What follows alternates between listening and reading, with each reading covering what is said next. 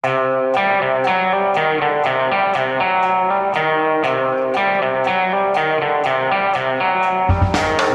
er vi klare for den andre riksrettssaken mot president Donald Trump. Og hva skal vi gjøre med de som sniker i vaksinekøen? Dette er Evra-gjengen. Det er tirsdag den 9. februar. Ja, eh, Per Olav Ødegaard, for oss som følger mye med på CNN, de driver og jazzer opp, tenker jeg, til denne riksrettssaken mot Donald Trump som om det skulle være sånn Muhammed Ali mot uh, Leon Spinks i Zaire, eller, uh, eller hva det var for noe, i, i 74. Uh, som en svær sånn underholdningsbegivenhet. De skal dekke det hele dagen, og det, det er ikke måte på. det her.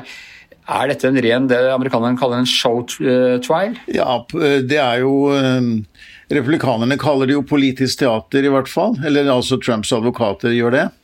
Og det er jo på sett og vis Det er jo en politisk sak. Det, jo, det er jo ikke noen Men samtidig så er det jo en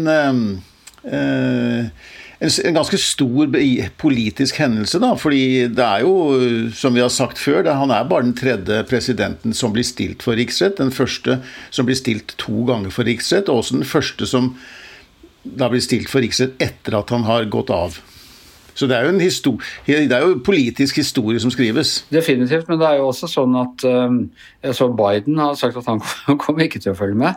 Uh, han skal bare liksom brifes uh, om det, men han har så mye annet og, og viktig å holde på med. Så har, den har litt smak av sånn uh, revansj også, fra, fra uh, sine, siden vi jo vet med nesten 100% sikkerhet at, han, at, det ikke er noen sjanse for at han blir dømt. Ja, og jeg tror uh, nok at de i Det hvite hus er opptatt av helt andre ting. De skal ha gjennom en gigantisk sånn koronapakke gjennom Kongressen, og det er det som er deres. Og de vil helst ikke at man skal holde på for lenge med denne riksrettsprosessen. Jeg tror også at den blir mye kortere enn denne som vi hadde for vel et år siden. Eh, jeg tror at, man, at det kommer til en eh, dom eh, frifinnelse eller fellelse da, om en ukes tid, altså i begynnelsen av neste uke.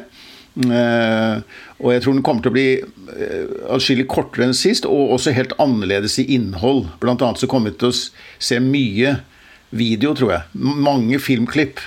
Både fra Trumps taler og hva som skjedde i Kongressen. Og Det er noe av kritikken mot hele prosessen, at det, har ikke egentlig vært en egen etterforskning engang. Man skal vise en haug med klipp av sånne PR-kåte uh, QAnon-folk som har drevet og tatt selfies og sånn inne i Kongressen og sier ja, nå er vi her inne, revolusjonen er starta, vi gjør dette for vår president Trump. Er det ikke sånn?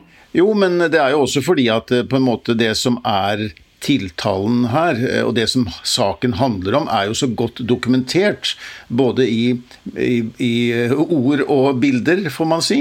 Um, og det var Mens dette som Forrige gang så snakket vi jo om Da handlet det jo om Ukraina, en telefonsamtale med den ukrainske presidenten. Og um, der ble jo um, Trump da beskyldt for å ha misbrukt sitt embete og for å ha hindret etterforskningen. Han ble jo frikjent på begge disse punktene. Men ehm, der, der, var det jo en lang etterforskning, eller relativt lang. Da. Det pågikk i hvert fall gjennom hele høsten. Eh, og det var masse vitneopptak og, og, og, og høringer underveis.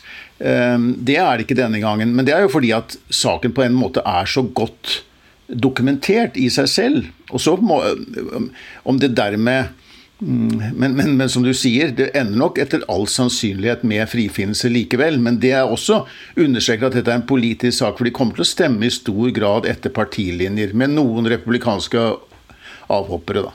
Og det de nå Først skal de finne ut om de rent konstitusjonelt kan stille en president som har allerede avgått uh, for riksrett.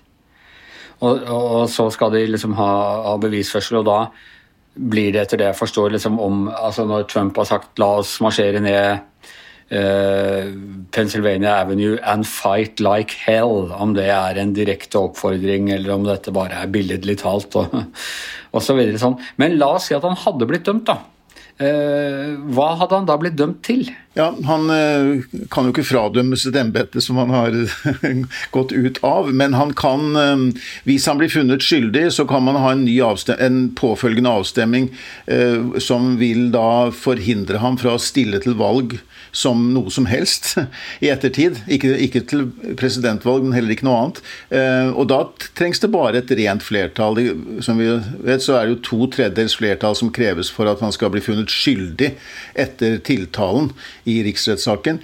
Men hvis han først blir funnet skyldig, så er det bare et rent flertall som kan fradømme han retten til å stille til valg på nytt. Men en fellende dom er altså ikke annet enn en uh, dask på lanken, eller en, liksom, en teoretisk dask uh, på lanken.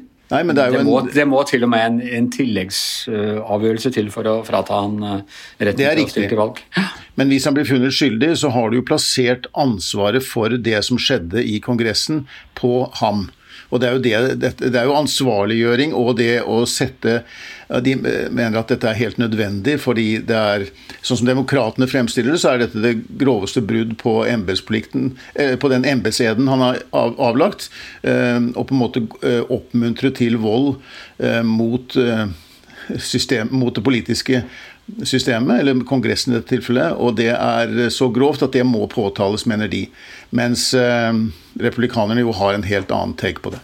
Men da er det en sånn moralsk politisk dom som på en måte demokratene har avsagt. Jeg f.eks. mener at det er helt opplagt at han hadde, var med på å, å uh, initiere og må ta ansvar moralsk for at uh, det skjedde.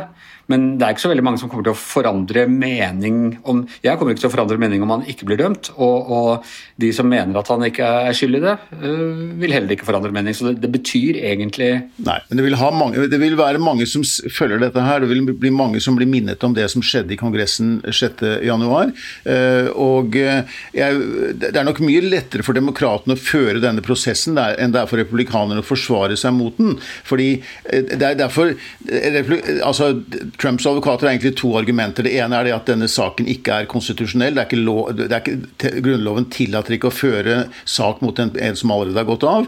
Um, det er det jo veld, svært ulike oppfatninger om. Jeg tror man, også konservative forfatningsjurister mener at det er fullt mulig. Spesielt fordi at, um, at um, den riksrettparagrafen også sier at du kan fradømme folk retten til å ha et embete, og det kan jo skje i ettertid.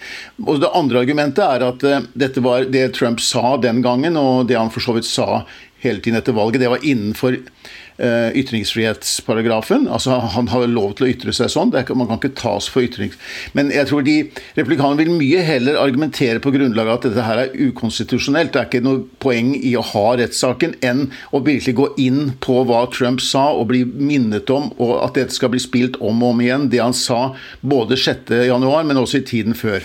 Men samtidig parallelt med dette så foregår det jo en ordentlig etterforskning. Eller, altså Det føderale politiet, FBI, eh, etterforsker jo hva det var som skjedde. og de har tatt ut en haug med, med, tiltaler og, og, etterforsker fremdeles, og, og, det kommer til å, å bli flere. og Kommer det noen tiltaler mot Trump der? Nei, det har jeg i hvert fall ikke sett noe, noe tegn til så langt. Altså er et, så Sist jeg så, så var det 185 personer som er siktet eller tiltalt eh, for ulike forhold da, under stormingen.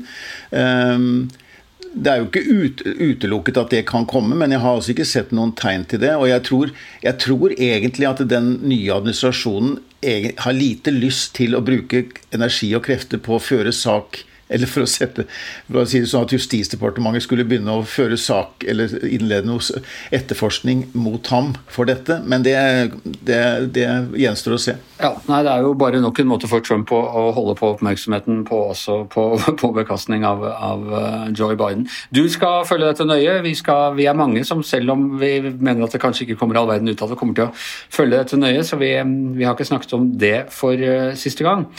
Men uh, Astrid Mæland, vi skal hjem igjen. Altså, hatt, det har vært mye snakk om skam det siste året. Det har vært joggeskam for de joggerne som jogger oppi folk.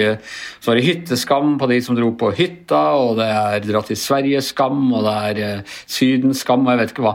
Men nå må jeg si snike i vaksinekøen, det må være det mest skammelige av alle ting i, i denne mm, pandemien. Enig, Anders. Der har du en eh, skikkelig ting å skamme deg over. Og... Det er verre enn å snike i drosjekø på en iskald dag. Det. Ja, det er faktisk det. fordi at uh, hvis du sniker i vaksinekøen, så er det jo kanskje noen som dør, da. For at du sniker i køen. det er noen som blir alvorlig syk, kanskje? For det er jo en grunn til Ja, det er som de der som, Hvis du har sett Titanic, de som kasta seg i livbåtene på, på uh, bekostning av kvinner og barn, tenker jeg. Ja, der har du gjeng. Der har du gjeng. Men er, altså Aftenposten hadde en lang gjennomgang av uh,